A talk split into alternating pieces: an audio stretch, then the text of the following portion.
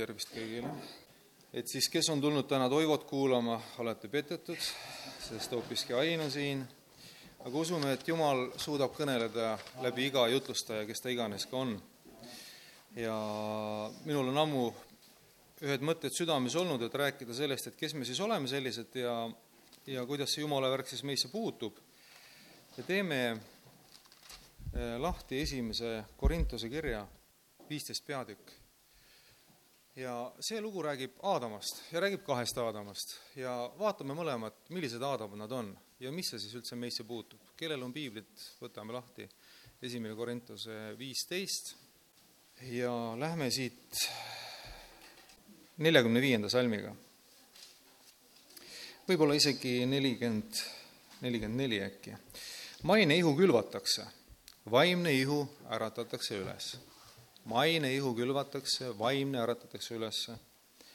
kui juba on olemas maine ihu, siis on olemas ka vaimne ihu. nii et eh, teadmiseks kõigile, me oleme siis vaim, hing ja ihu ja jumala sõna räägib siis, et see kõik on olemas. nõnda on ka kirjutatud, esimene inimene Aadam sai elavaks hingeks, viimane Aadam sai vaimuks, kes elustab.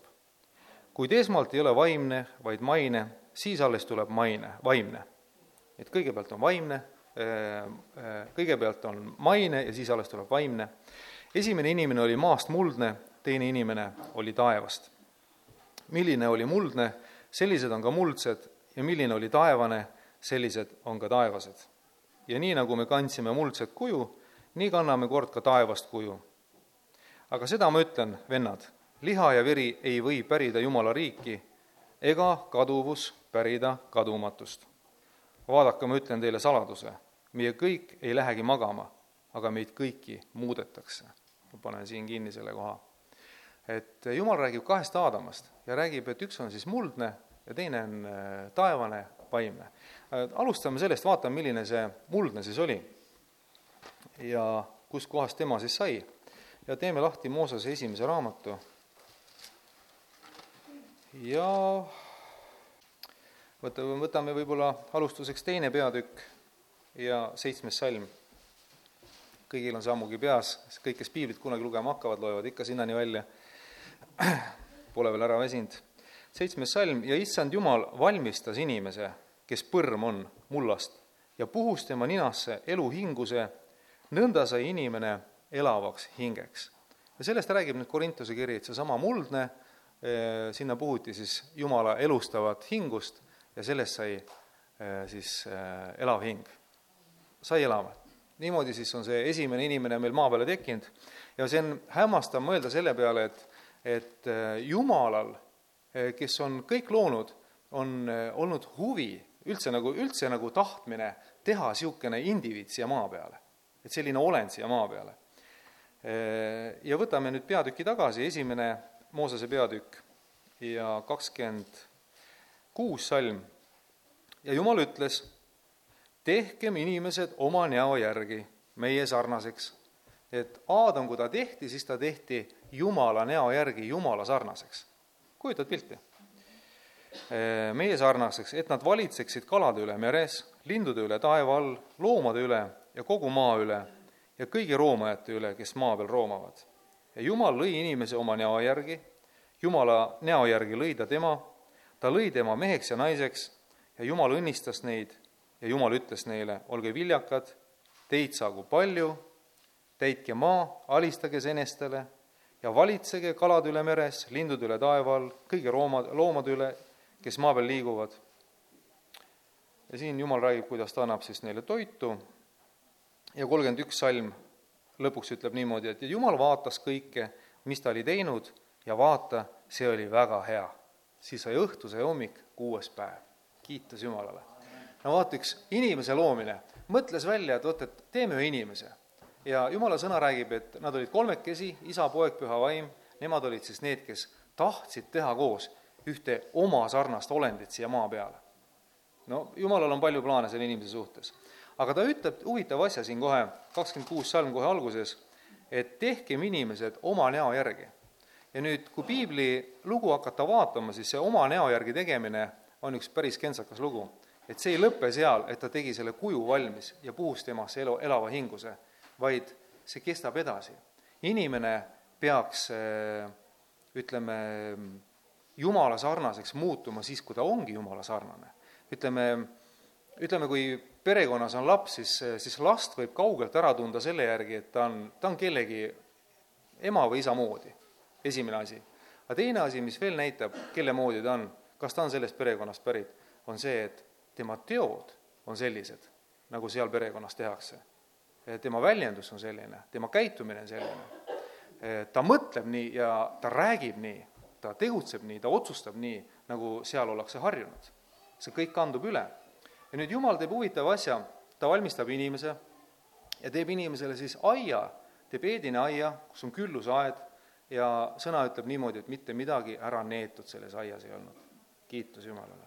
Meie elame praegu selles keskkonnas, kus kõik on ära neetud peale Jumala enda ja selle, mis Jumal annab meile, aga sõna ütleb niimoodi, et kui nad pattu langesid, siis maa hakkas kandma ohakaid, eh, vaevaga, hädaga, vi-, viletsusega pead sa eh, seda maad harima, et toitu saada ja pole enam seda headust, mis ennem oli.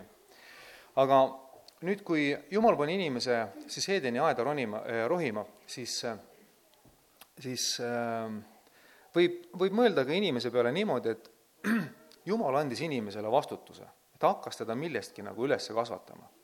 Inimene peab ju kasvades, me kasvatame lapsi ka maast madalast, et juba alguses anname natukene neile teha ja pärast rohkem teha ja siis, kui ta on juba suur mees ja sa tunned, et voh, vastutus, vastutuskõlbelik või, või, või, või suutlik vastutada, siis, siis anname talle võib-olla terve oma majapidamise.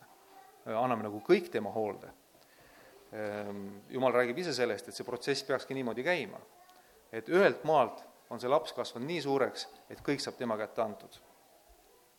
Ja pannakse siis inimesele kohustus, sina pead maad harima, sa pead eedinaeda korras hoidma, sa pead tegelema seal igast, igasugu asjadega, aga jumal ütleb ühe huvitava asju.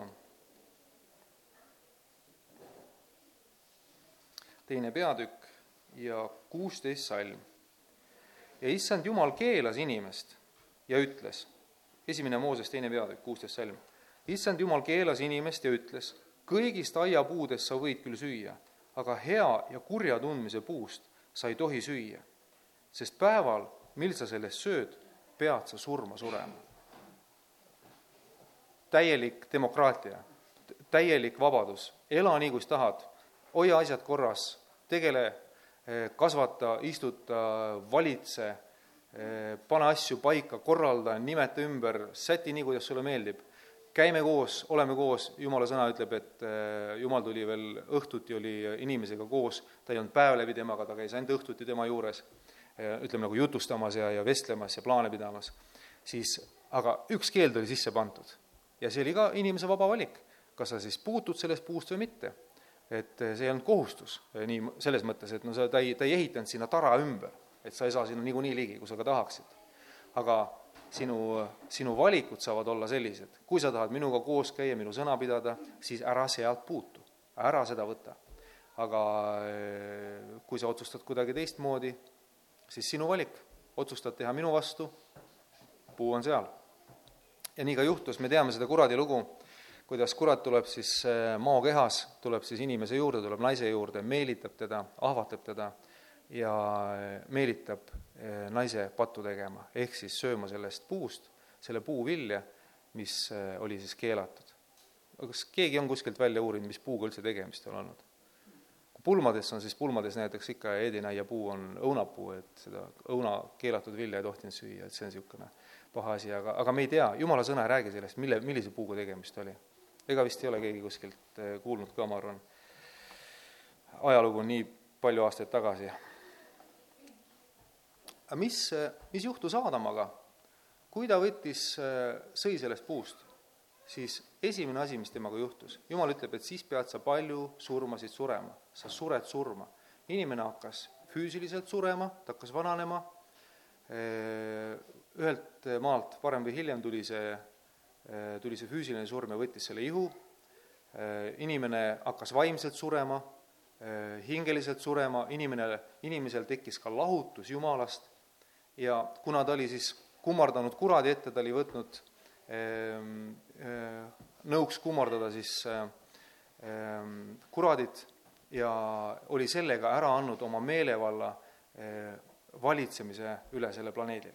valitsemise üle sellel, mis Jumal talle oli andnud. nii et niisugune üks, üks pöördumatu kuri ja paha protsess sai sündima selle inimese elus. ma ma ei kujuta ette, ma ei, ei oleks tahtnud Aadama nahas olla, aga ega see meeldiv kindlasti ei olnud. sa, sa olid ühes heas liikumises, sa olid ühendatud Jumalaga, Jumala vägi toimis sinu kaudu, sa olid eh, juhitud, hoitud, kaitstud ja, ja ühelt maalt kõksti ühe rumala otsuse pärast, mida, millest sa, millega sa oled kaasa läinud, on sul eh, tehtud üks suur vahe sisse ja nüüd rõõmude, püsivate rõõmude asemel on sul pidevalt kurbust, pidevalt eh, rohkem tööd, pidevalt vaeva ja pidevalt jumalast eemaldumist. Mis toimus pärast seda, kui, kui Aadam ja Eevaga olid Eedina eest välja aetud? no perekond suurenes, äh, rahvast sai palju maa peal, aga sellest on palju kordi räägitud, aga kurjus võttis inimeste südames meelevalda. inimeste südamemõtted olid üksnes kurjad, ainuüksi kurjad. ja see on, see on see lahutus, see on see, mille keskel me elame, me näeme maailma inimesi, siis äh, jumala sõna ütleb, et äh, et jõledale on jumala sõna on nagu jäledus ja, ja pühale on jälle just vastupidi. aga pühal inimesel on maailma suhtumine jälle jäledus et niisugune väga tugev kontrast on sellel asjal.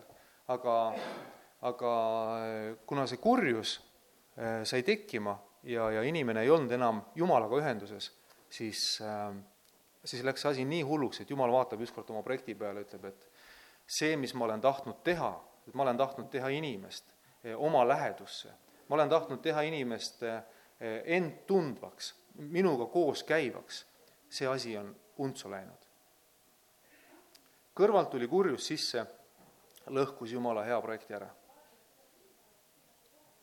pahandust palju, pahandust palju.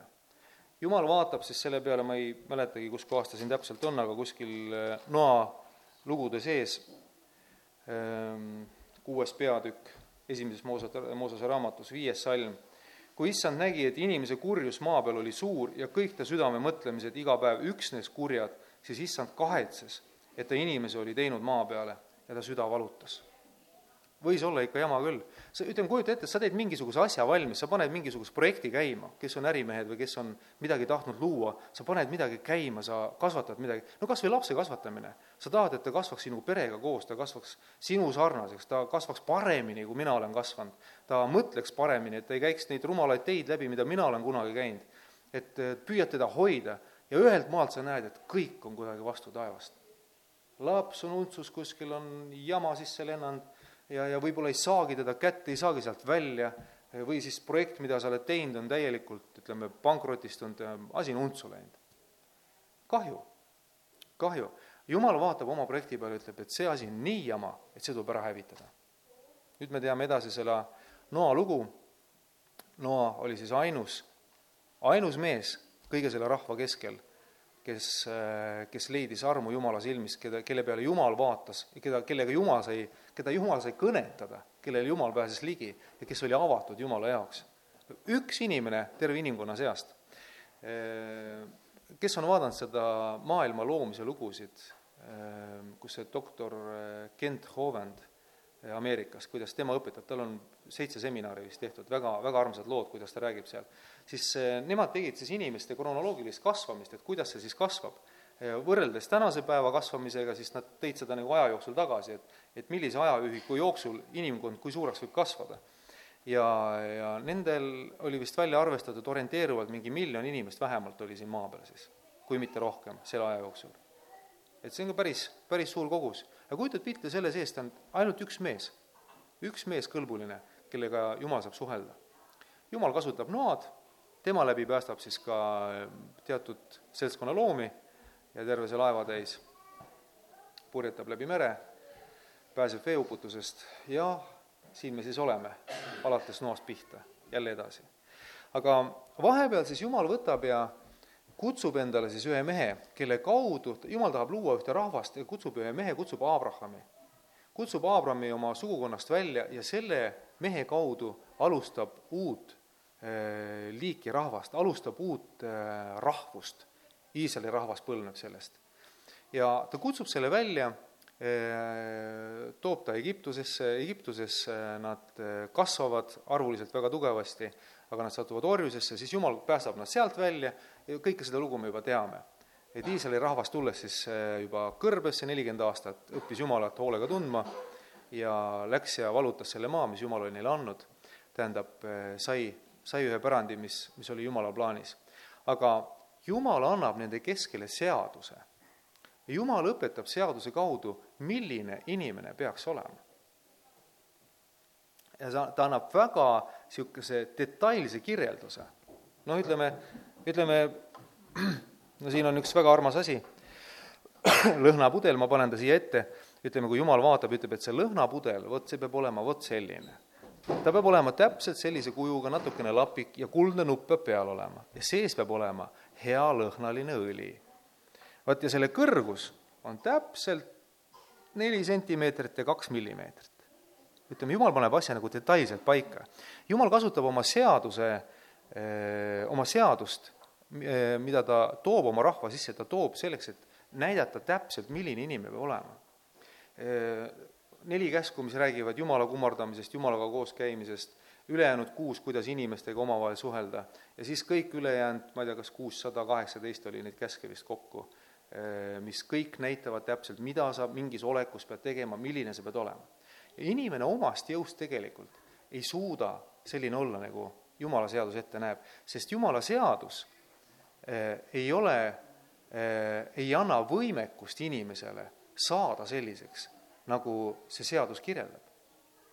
Ütleme, kui mina peaksin olema nüüd eh, kolmemeetrine mees jumala seaduste järgi või jumala ettekirjutuse järgi, siis ma võin ennast venitada, ma võin ennast pikemaks tõmmata ja ma võin ennast suureks ja paksuks süüa, et ma kuidagimoodi sinnapoole jõuaks. no kolmemeetriseks ma ei saa. aga jumala sõna ütleb, et ma pean kuidagi olema, võib-olla tagurpidi käima, no ma ei suuda seda ka. ja paratamatult ma eksin, paratamatult ma ei saavuta seda tippu kätte, mis on mulle antud mina nimetaksin seda niimoodi, ma olen ütleme nagu sellel, sellel lainel või selles nõus, et, et seadus on antud kirjeldamaks, milline peab inimene olema, aga seaduses ei ole seda jõudu, ei ole seda väge, äh, et inimene suudaks selliseks muutuda, nagu ta peab olema. ja seaduse kohaselt on niimoodi, et kui inimene eksib ühe seaduse vastu, üks parameeter, üks mõõt ei anna seda välja, mis olema peab, vaat õli ei ole nii palju sees kui vaja, praak kõrvale Ehm, rikutud seadus või seaduse vastu astat-, äh, seaduse vastu välja astutud või seadust rikutud ehm, äh, seaduse rikkumine lõpeb sellega Vanas Testamendis, et, et see isik, enamuses see isik tuleb hukata. kes seal hingamispäeva ei pühitsenud, võeti kinni, löödi maha.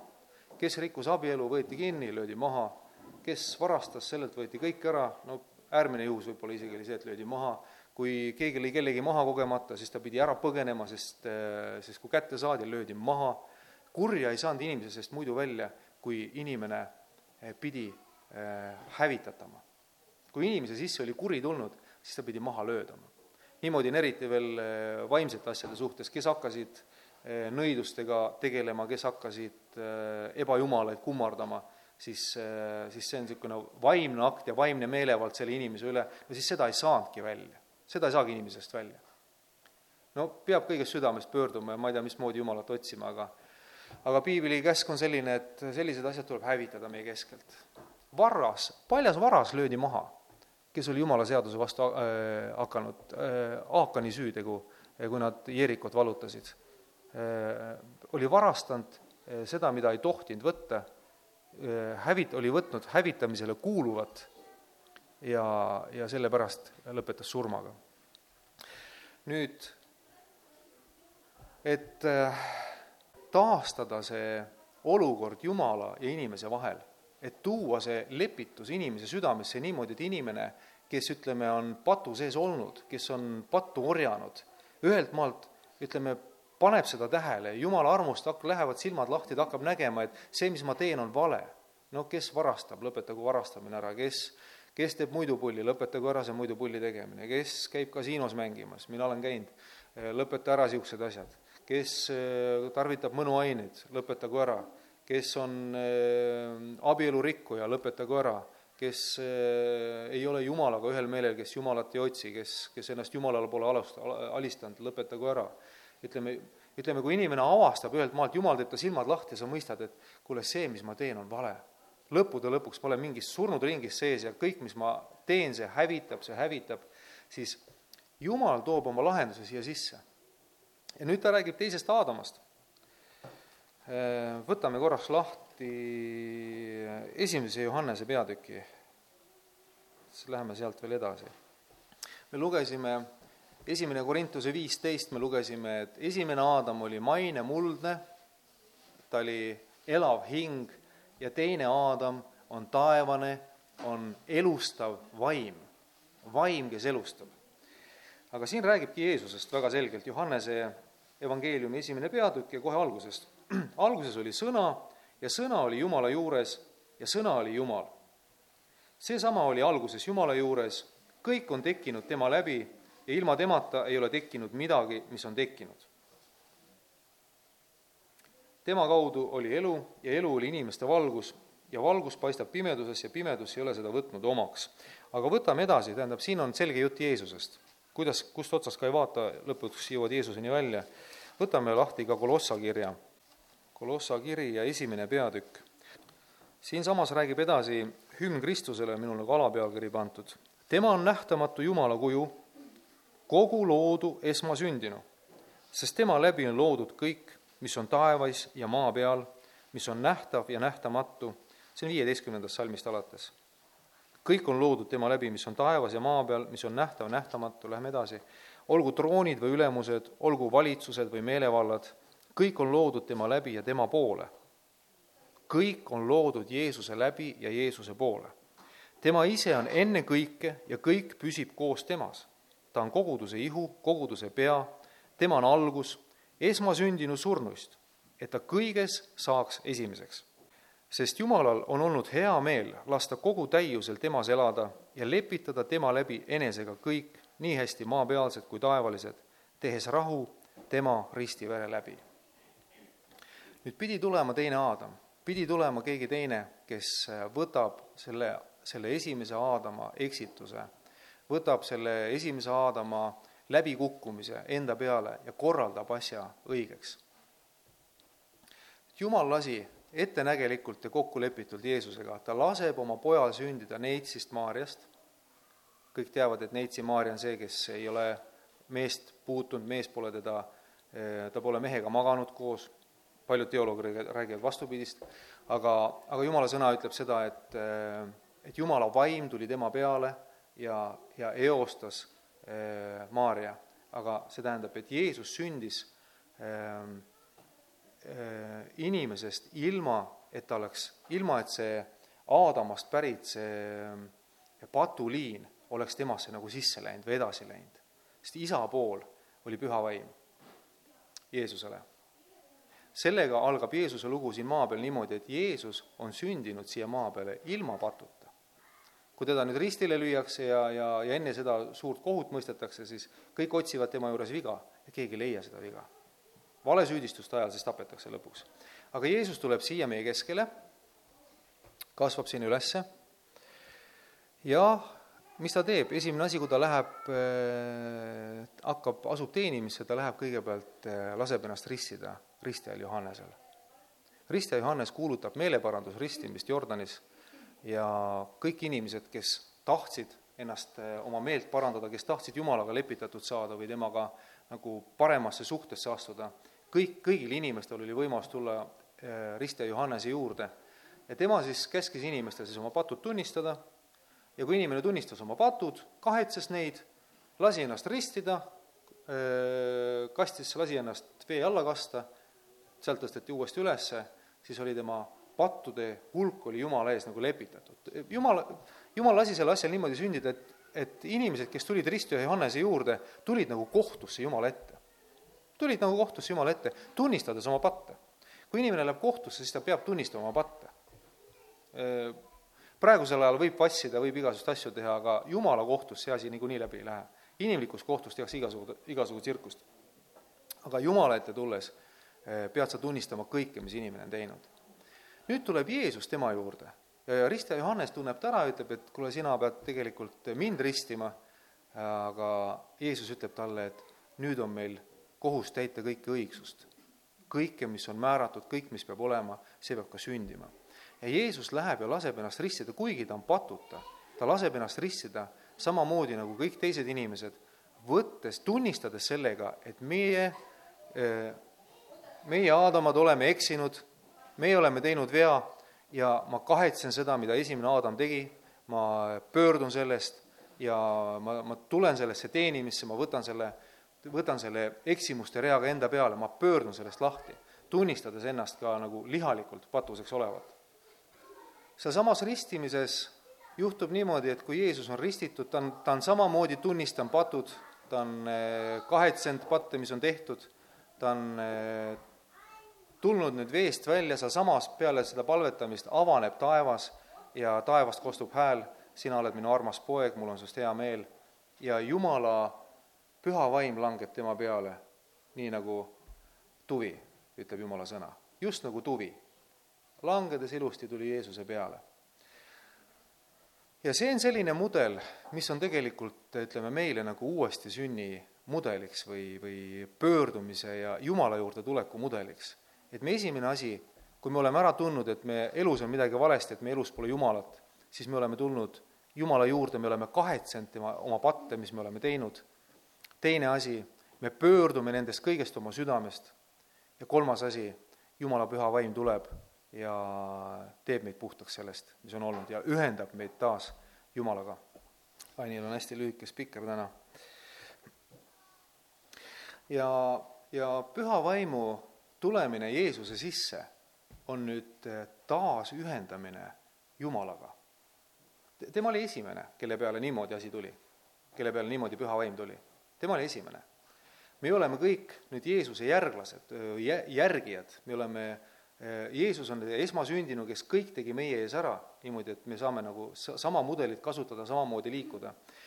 Jeesus tunnistas oma patud, kahetses patte, kuigi tal neid ei olnud, aga ta võttis selle inimkonna süü ja patukoorma enda peale ja, ja, ja, ja palus lepitust ja Jumala püha vaim tuli tema peale, taastades siis ehm, jumaliku elu inimese sees kõik inimesed, kes äh, ei ole Jumala vaimust juhitud, on ilma selle ähm, elava osaduseta Jumalas.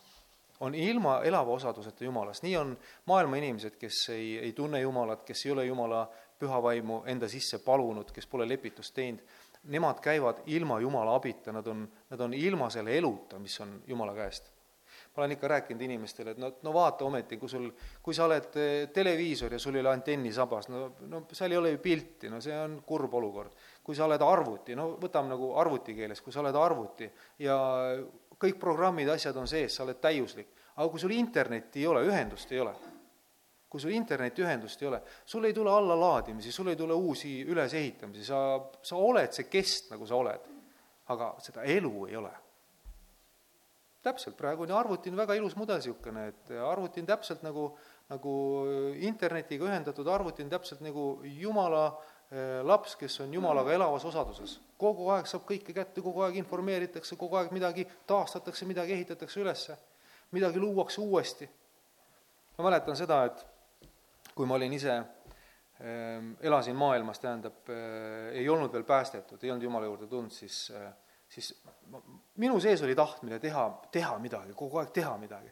aga mingi loogika puudus ja, ja niisugune numbrite lugemine puudus ja, ja arvutamise oskus puudus ja, ja kuidagi ettenägelikkus puudus, oli ainult üks tahtmine.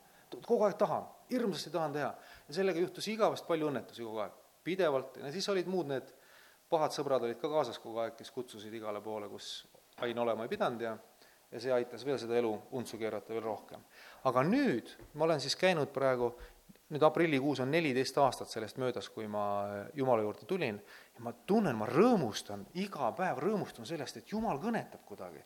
teed mingeid asju ja, ja nagu mõtled nagu loogiliselt kuhugile juba midagi ette ja, ja hakkad millestki nagu aru saama, et mingid detailid lähevad paika ja mingit üldist plaani näed ja ja ma tunnen kogu aeg, et see on Jumala käest, see tuleb ülevalt see ei ole see, et ma olen ise kõva mees, et ma nüüd mõtlesin hirmsasti välja või käisin kuskil tarkade koolis ja nüüd olen hirmus kõva tegija. ei ole, ei ole. see on see loogika, mis tuleb Jumala käest. Ja ma tunnen seda ja ma rõõmustan sellest, ma näen vahepeal, kuidas päevad lähevad selle, selle arvelt lähevad väga korda, kuidas mingid asjad järjest sobituvad paika, kui sa oled võtnud kuulda seda südame häält või, või teinud nagu selle sisetunde järgi. ma, ma ei ole veel olnud, vahepeal olen olnud, aga, aga ma ei ole selline tugev usus käia inimene, et ma ainult palvetan ja hommikul ja ma ei lähe enne väljagi, kui mul on Jumala käest sõna, et mis sammu ma astun või kellele ma tere ütlen või, või mis asja ma ajan või. Ei, ole, aga Jumal on pannud selle asjaga kuidagi vaiksemalt voolama. et kui sul on kõrvu kuulata, mis sul seespidi käib, siis sa saad selle kätte, mis ülevalt tuleb. ja siis sa oled nagu see arvuti, kellel on see internet kogu aeg sees. annab jälle uut infi, jälle tõstab mingi asja. vahepeal äpardud ka, juhtub, et lähed vale koha peale. aga midagi, Jumal jälle taastab ja jälle aitab ja jälle läheb edasi niimoodi on see, see püha vaimu tulek inimese sisse on nüüd nagu see internetiühendus arvuti sees. et sa oled niisugune teistmoodi. Nüüd teise Aadamaga läheme edasi.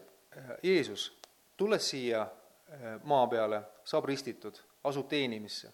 nüüd, kui me piiblit loeme, siis evangeeliumid kirjutavad, mida Jeesus siis tegi. kuhu kirikusse ta iganes läks, enamuses oli mingisugune jama ja mingi häda käis Markuse evangeelium hakkabki sellest pihta kohe, et nii kui ta kirikusse läks, nii hakkas keegi kõva häälega karjuma, ütles, et mis asja sa siin teed, jumala poeg, sa jumala püha, kas sa oled tulnud meid hukka mõistma? Jeesus tuleb ja demonstreerib maa peal, milline peab olema üks õige jumala laps. ta näitab, milline on see meelevald, jumala poolt antud elu ja meelevald Eh, milles me peaksime käima ja kuidas me peaksime olema. kui me vaatame Jeesuse peale ja loeme neid kirju, mis Jeesuse kohta kirjutatakse, siis kiri ütleb niimoodi, et, et me kasvame Jeesuse sarnasteks. tema kasvab meie sees ja annab meile kuju.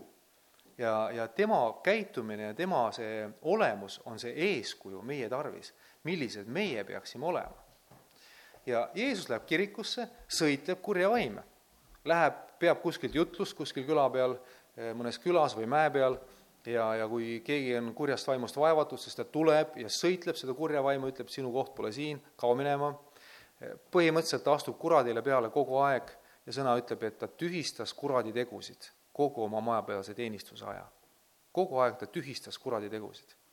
no mis sa arvad, kas, kas meil, kas meil peaks ka olema võib-olla samasugune niisugune tegevus või samasugune õigsus või, või, või, või samasugune meelevald? ma arvan, et kindlasti.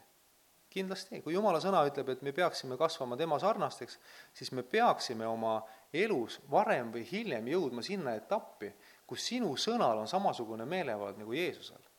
kus eh, sinu sõnad eh, seovad kurja vaimu, tühistavad tema tegevuse, eh, kus sinu sõna väljaütlemise peale inimese ihu hakkab taaselustuma, saab parandatud, saab väe paraneda inimesele tuleb loogiline mõtlemine, tuleb tarkus, arukus. jumala vaimu küllus saab sinu kaudu liikuda teiste inimeste sisse. me peame olema samasugused, mina usun küll. Mina usun küll sellesse. kuradile see asi muidugi ei meeldinud, tema võttis kätte, et vot see on see, see Jeesus ongi see, see perepoeg, see ongi see pärija, võtame, tapame selle ära, Jeesus räägib ise variseridele niisuguse ilusa loo sellest, eh, kuidas Viinamäe isand istutas Viinamäe ja kuidas siis poeg läks siis saaki küsima ja kuidas ta siis lõpuks ära tapeti, see on ehtne pilt sellest, kuidas siis kurat vaatab Jeesuse peale, Jumala poja peale ja otsustab ta ära tappa ja võtab kätte ja lööbki risti. Kasutades siis selline, erinevaid siis inimesi selleks, erinevaid äh, variante selleks, aga noh, oli tema käes kogu see protsess juhtida. kusjuures Jeesus lihtsalt reguleerib seda olukorda, et kõik sünniks täpselt sellel ajal ja täpselt nii, nagu Jumal on oma kirjades ette kirjutanud.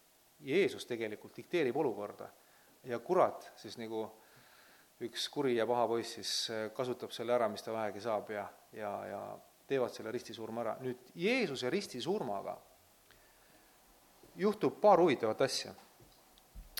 kui kurat on löönud Jeesuse risti Äh, kasutades selleks Rooma sõdureid ja, ja igasugust meelevaldasid, siis kurat on eksinud Jumala seaduste vastu. sinnamaani ta kasutas Jumala poolt antud seadust ja selle seaduse võimetust inimest aidata, kasutas selleks, et inimest hävitada. nüüdsest tegi ta ühe vea. see mees, kelle ta risti lasi lüüa, see mees oli süütu. Jeesus oli süütu, tal ei olnud ühtegi viga, tal polnud pattu, ta polnud pattu teinud, nii ütleb Jumala sõna, ja kui kurat ta risti lööb, siis kurat sellega, ütleme, määrab iseenesele siis ähm, kohtuotsuse, millega siis lõpeb tema taevalik liikumine, mille, mille peale teda visatakse taevast alla, siia maa peale, kus ta on siis meie keskel, meie kõikide ümbruses kuskil siin taevaalustes paikades.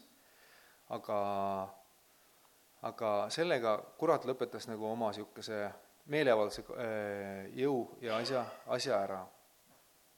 sellega sai tema aeg läbi, siis ütleme niimoodi, kui ta sai taevas Jumala ees käia, kui ta sai taevast meelevalda kasutada selleks, ähm, et inimesi hukka mõista, et inimesi äh, hukata, siis Jeesuse ristisurma läbi lõppes see protsess tema jaoks ära sellepärast, et ta lõi risti süüta inimese, mis ei olnud taevastele olenditele kellelegi lubatud.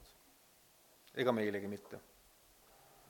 kolmandal päeval lähevad naised hauale ja leiavad Jeesuse surnust üles tõusnud olevat, teda pole enam. Jeesus tõusis surnust üles, Jumala vägi tuli tema üle ja tõstis ta surnust üles. sellest ajast peale on meil kõigil ähm, nagu õigsus või meelevald kasvada Jeesuse Kristuse sisse ja saada osa sellest ülestõusmise väest ja sellest õigsusest Jumala ees. nii et kui inimene on tulnud Jumala ette, olles patune, on tulnud Jumala ette, tunnistanud oma patud, oma eksimused, eh, siis ta on tulnud Jumala kohtusse. ja see on, seda nimetatakse võib-olla meeleparanduseks, on kõige paremini nimetada, et see on meeleparandus. inimene ütleb lahti oma kurjusest, ütleb lahti oma kurjadest tegudest. Jeesuse veri, mis ristil valati, puhastab igat inimest, kes on tulnud Jumala kohtusse. Ehm, Jeesuse veri puhastab ära sinu mineviku teod, sinu patud, mis on sul olnud. siis tuleb püha vaim inimese sisse, kui inimene on seda palunud, ja uuendab inimese sees selle ühenduse Jumalaga. ja niimoodi on saanud Jeesuse ristisurm meile üheks suureks õnnistuseks ja päästeks. Jeesus on siis teine Aadam meie jaoks. teine Aadam, esimene kukkus läbi, lasi ennast eksitada ja ei jõudnud Jumala tunnetuses, Jumala ligiolus kaua käia ja terve maailm kannatab ja ägab tema pattu langemise pärast. ja teise Aadama tuleku läbi on kõikidel inimestel, kõikidel inimestel võimalus saada osadusse Jumalaga aga vaatame, siin oli veel üks hea koht, siinsamas Kolossa kiri, esimene peatükk veel. ja, ja mis on sinust saanud siis, kui sa oled tulnud kirikusse, kui sa oled tulnud Jumala juurde, sa oled palunud andestust oma pattude pärast, sa oled tunnistanud need, Jumal on need ära võtnud, ära pesnud Jeesuse verega, sa oled õigeks mõistetud, sa oled püha vaimuga täidetud, sa oled püha, kes on palunud, on saanud püha vaimu ristimise peal, sa oled püha vaimu väes kõndiv isik. kes sa siis oled? Siis sa oled tegelikult kristlane, eks ole. oled kristlane. nimetatakse kristlasteks, jah.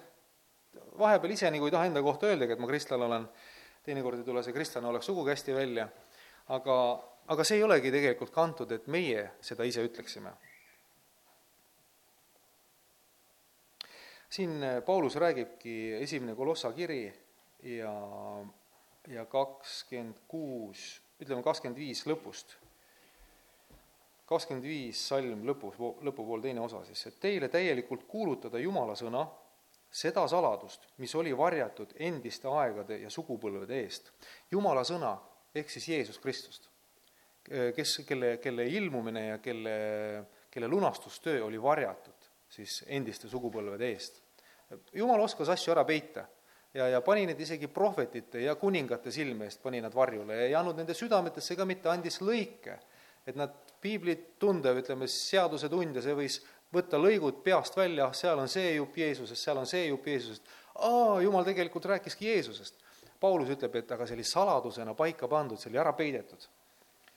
Ehm, seda saladust, mis oli varjatud endiste aegade sugupõlvede eest, nüüd on aga avaldatud tema pühadele, ehk siis neile, kes on tulnud Jumala juurde Jeesuses Kristuses kellele Jumal tahtis teada anda, mis on selle saladuse kirkuse rikkus kõigi rahvaste seas. saladuse kirkuse rikkus kõigi rahvaste seas. see on Kristus teie sees, kirkuse lootus. Kristus sinu sees, kirkuse lootus. Jeesus elab sinu sees, kes sa oled kristlane. püha vaimu läbi, ma ei tea, mismoodi see asi käib, ma ei tea, mul ei ole täit, täit pilti, ma ei mõista seda asja sulle täpselt seletada, aga ta elab sinu sees, püha vaim on sulle antud, püha vaim on sinu, sinu sees, sinu juures ja, ja on sind juhtimas ja aitamas. siin ta räägib edasi, et äh, meie kuulutame teda, ehk siis Kristust, manitsedes iga inimest ja õpetades iga inimest kogu tarkuses, et seada iga inimest Jumala ette täiuslikuna Kristuses. aga vaatame, kes see kristlane on, mis elukas see on niisugune. võtame Apostlite teod korraks lahti, neljas peatükk. Apostlite teod ja neljas. milline see kristlane siis peaks olema? kes see niisugune on? see on huvitav asi, jah.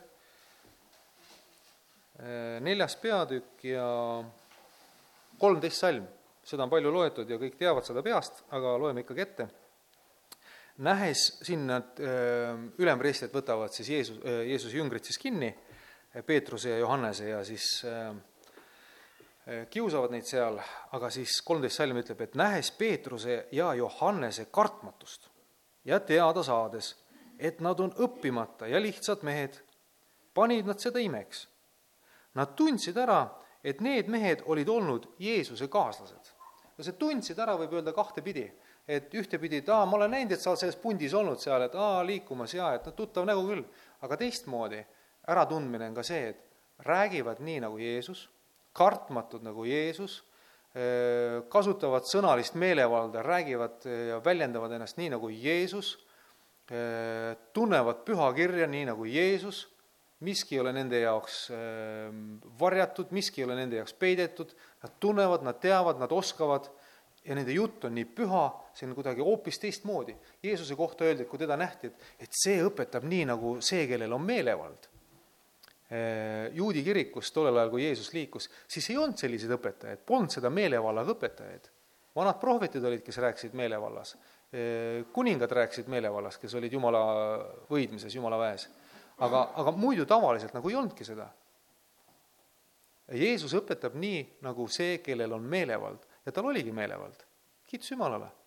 ja apostlid, tema järgijad, tema jüngrid samamoodi räägivad nii nagu Jeesus aga võtame veel Apostlite teod üksteist lahti.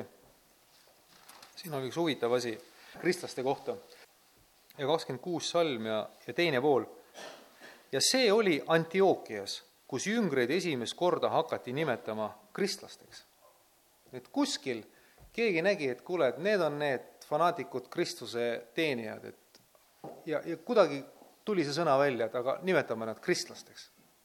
nimetame nad kristlasteks no mis iganes klubi meil on, meil on siin pahad klubid, võrdluseks vastupidi on vabamüürlaste klubi, kui keegi sinna ennast sisse astub kogemata, laseb ennast eksitada, siis me nimetame teda vabamüürlaseks.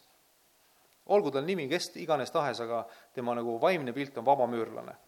aga siin räägitakse, et need on kristlased, need on kristlased ja vaata, pane tähele huvitavat sõna. see oli Antiookias kus jüngreid esimest korda hakati nimetama kristlasteks. see ei ole niimoodi, et nad ise hakkasid ennast nimetama kristlasteks. vaid sa vaatad inimese peale ja sa näed teda, sa tunned ära, et siin on midagi teistmoodi. aa, nad käivad selle Kristuse nimega, nad kuulutavad Jeesus Kristust, lunastajat, päästjat.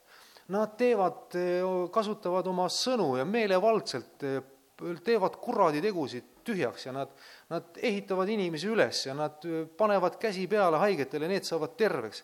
ja kui nad, kui nad palvetavad kellegi pärast, need saavad täis püha vaimu, räägivad võõraid keeli, need imelikud asjad, need on väga imelikud vennad, väga imelikud vennad, aga need ongi kristlased. jah, neid kutsutakse kristlasteks. sina oled sedasama. sina oled täpselt sedasama. jah. ja sul on kutsumine veelgi suurem. Jeesus ütleb, et et mina teen siin oma tegusid, aga te teete veelgi suuremaid tegusid. jah, te teete veelgi suuremaid tegusid. mina ei, ma ei mäleta, kes see ütles, aga eh, need ajaloolased loevad hästi välja neid mineviku asju, ütlesid, et Paulusel oli, olid, olid, oli vähe jüngreid, tema kogused olid pisikesed, seal mõnikümmend inimest võib-olla. aga siis, kui Timoteos võttis tema koguduse üle, siis Timoteosel oli mingi seitsekümmend tuhat järgijat olnud mitte järgijat, vaid koguduse liiget olnud. et noh, see on on ikka mastaabid kohe ikka noh, tükk maad suuremad. Jeesusel oli ainult kaksteist, ainult kaksteist, kellega tegeles. aga vaata, mis need jüngrid teevad. isegi siin on rohkem kui kaksteist. suuremad asjad, on suuremad asjad. Jeesus palvetas mõnede inimeste ees ja meil on need piiblis kirjas, ajas mõned surnud üles, mõned haiged said terveks. sõna ütleb, et, et kõik, kes tema juurde tulid, said terveks. Aga võta nüüd praegu neid Jeesuse järgijaid, võta neid kristlasi üle maa tegemist on miljonitega proportsioonis. Jeesus tegi mõni, mõned sajad ja mõned tuhanded terveks, praegusel päeval käib miljonite kaupa tervenemine. miljonite kaupa kuulutatakse sõna, pääsemine on väga suures määras. ja inimestel on saanud kättesaadavaks see, mis, mis nagu Jeesuse jüngritel tollel hetkel ei olnud. Jeesus ei olnud veel ristisurma surnud, veri ei olnud veel valatud, püha vaim ei olnud veel välja valatud maa peale ja nüüd on see kõik olemas. nüüd on see kõik olemas. ja sina oled osaline selles. sina oled osaline selles. ja sa oled väga suures tulevikus. mulle väga meeldib, ma maksan teistele palka, siis mulle meeldib ka see lugu, et et ega meile makstakse palka, kui me ükskord taevasse jõuame, siis Jumal annab palga neile, kes teda otsivad. Jumal, meil on palgapäev, taevasse jõuame, meil on suur palgapäev ees, kiitus Jumalale mida rohkem teenid, rohkem tegeled, seda rohkem saad palka. ma ei kujuta ette, millises valuutas või asjas see välja näeb või millises positsioonis või, aga jumal ütleb, et ta paneb meid valitsema. vaatame ilmutuse raamatu kakskümmend kaks äkki oli siin üks hea koht. no siin on, siin on ikka põnevaid asju. siin on põnevaid asju keset linnatänavat ja mõlemal pool jõge on elupuu, mis kannab vilja kaksteist korda, andes iga puu, iga kuu oma vilja ning puulehed annavad tervist rahvastele. sina saad sellest osa, kui sa oled taevas, sa saad sellest osa. sa saad puuvilja maitsta, sa saad eh, tervist, midagi ära neetud ei ole enam, Jumala ja talle troon on seal ning ta sulased teenivad teda. me saame olla Jumala ja Jeesuse lähedal ning näevad tema palet ning tema nimi on nende otsaesisel. meil saab olema Jeesuse nimi otsaesisel, kiitus Jumalale ööd ei ole enam ning neil ei ole vaja lambivalgust ega päikesevalgust, sest issand Jumal ise valgustab neid ning nemad eh, valitsevad kuningatena igavesest ajast igavesti. jumala sõna ütleb, et me oleme praegu juba kuninglik preesterkond. kuninglik preesterkond, me oleme kutsutud kuninglikku seisusesse ja me oleme seda juba, mitte mingil hetkel kuskil mingi aja pärast, vaid me oleme seda juba praegu. me oleme kuninglik preesterkond me oleme tema sulased, tema teenijad ja vaata tema, tema pakkumist, mille sisse me läheme. me valitseme temaga koos igavesest ajast igavesti. vahepeal juhtub igasugu asju, küll maa peal, küll taevas. aga ühel päeval kõik, kes on eluraamatusse kirjutatud, valitsevad temaga koos igavesti. kiitus Jumalale, kiitus Jumalale. kas pole, kas pole imeline perspektiiv? see on ikka lahe värk. aga mina võtan need otsad siin kokku ma arvan, et pastor oleks vist kutsunud kedagi meeleparandusele või, või päästele, kas on kedagi, kes ei ole Jeesusega veel lepitatud. kui on keegi, kelle südames ei ole Jeesus äh, veel elavaks saanud, kelle südames ei ole veel püha vaim tulnud, kellel ei ole elavat osadust Jumalaga, see, tulgu julgesti, tulge julgusti siia ja, ja palvetame sinu pärast. palvetame ja palume koos, et äh, Jumal äh, looks selle ühenduse. ka on inimesed, kes äh, ma olen seda tihti näinud ja, ja apostlitegudes on see lugu, et, et nad jälle palvetasid, jälle püha vaim langes, jälle täitis neid. meil, meil on võime ära kaotada oma pääste, kui me oleme selle kord saanud, see on võime ära kaotada. ma võin minna panka, kirjutada lepingu, et nüüd ma olen pangaklient ja mulle antakse oma kaart ja oma konto ja asjad. aga ma võin selle ära kaotada, selle kaardikese, ja ei leiagi enam seda kaarti üles, ei teagi, kus mu pangakaart on. ei saagi rahasid kätte. Lähen sinna kontorisse uuesti, ütlen, et ära kaotasin ütlevad, palun, kirjutame sulle uue, saad jälle kasutada. maksad küll selle eest, aga see on sul elav, toimib, eks ole. jumalaga on täpselt samamoodi. sa võid midagi ära kaotada tema ligiolust. võib olla niimoodi, et mingi eluolukord või periood sinu elust on mõjutanud sind nii tugevasti, et sa pole saanud jumalale pihta. vahel on vaimsed rünnakud nii tugevad, seotakse sind nii ära, et sul keel ka ei paindu Jeesuse sõna, Jeesuse nime ütlema. juhtub selliseid asju või on mingisugune pikk periood olnud, kus sa ei ole Jumala sõna ligiolus olnud, siis paras aeg on tule Jumala ligi. lase enda eest palvetada. lase enda eest palvetada, las Jumal annab uuesti seda värskust, las ta loob selle uue kontakti, las ta valab oma püha vaimu sinu peale uuesti üle, et sa oleksid niisuguses elavas osaduses temaga koos. nii nagu algselt. nii nagu algselt, jah. me ei pea segi minema, me ei pea, me ei pea imelikuks muutuma. Me, me ei pea siin pikali viskama, ei pea teab mis asju juhtuma, aga kui Jumal annab, siis sündigu ka sellised asjad. tulgu tervenemine, tulgu paranemine igale ühele meist. meile on antud see võimalus, me saame sisse astuda sellesse pärandisse, mille Jumal on meile kinkinud. ja me ei ole sellest ilma me saame kasutada kõiki võimalusi, mis Jumal on välja käinud, kõiki võimalusi. me saame olla tema ligiolus, me saame minna Jumala trooni ette praegu, siin maa peal elades saame minna Jumala trooni ette, öelda, et kallis taevane isa, minu isa, kes sa oled taevas, minu isa, kes sa oled taevas. paljud loevad seda palvet, aga ma olen ikka küsinud, et kas ta on ikka sinu isa või ta on meie isa, kelle isa ta siis on aga kui sa oled loonud ühenduse Jumalaga, lasknud Jumalal ennast eh, täita Jumala vaimuga, oled tunnistanud oma patte, kui neid on olnud, tee seda alati. tee seda alati, kui on mingid eksimused olnud. senikaua, kuni sa elad, senikaua on sul lootust, senikaua on sul võimalus. senikaua, kuni sa elad, sa saad kirjutada uut pangakaardi avaldust, jälle uus pangakaardi avaldus. pange mind ka kirja, pange mind eluraamatusse kirja, pange kirja, jah. ma ei taha siin niisama elada ja ma tahan näha, kuidas Jumal tegutseb minu kaudu, halleluuja, ja ma tahan näha, kuidas kurjad vaimud välja lähevad inimese seest. tühistan kuradi teod igal pool, kus ta liigub, halleluuja, täpselt nii nagu Jeesus ja surnud tõusku ülesse. ja, ja haiged saagu terveks ja kurvastatud saagu lohutatud, trööstitud, üles ehitatud, kiitus Jumalale. Jumala õnnistus täitku meid kõiki. jah, kuule, nii lahe värk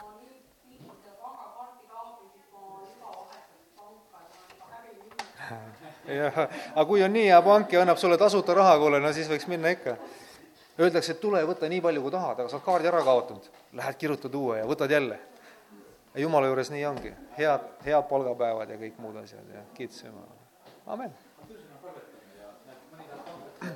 palvetame jah, palvetame koos, palvetame selle päästepalve koos ja palume, et taevane isa meid värskendaks oma taevases väes ja võidmises ja ja kallis taevane isa, te palvetame koos, ma palvetan ees, siis palvetage järgi, et kallis taevane isa, meie teame, et sina oled hea. Sinu käest tuleb kogu elu, kogu rikkus, tervis, ühendus sinuga. issand, me palume sinu abi. Ja sinu ligiolu. Ja sinu taevast väge ja võidmist. Et me oleksime täis sinu au. et me käiksime sinu väes. Ja oleksime sinu järgijad. nii nagu on sinu tahtmine. kui me oleme eksinud, anna meile andeks. puhasta meid kõigest, mis on takistuseks sinu ja minu vahel. issand, elusta meid oma püha vaimu läbi. kirjuta meie nimed taevasesse eluraamatusse. Graveeri nad sinna. ära lase neid sealt kunagi ära kustuda. amen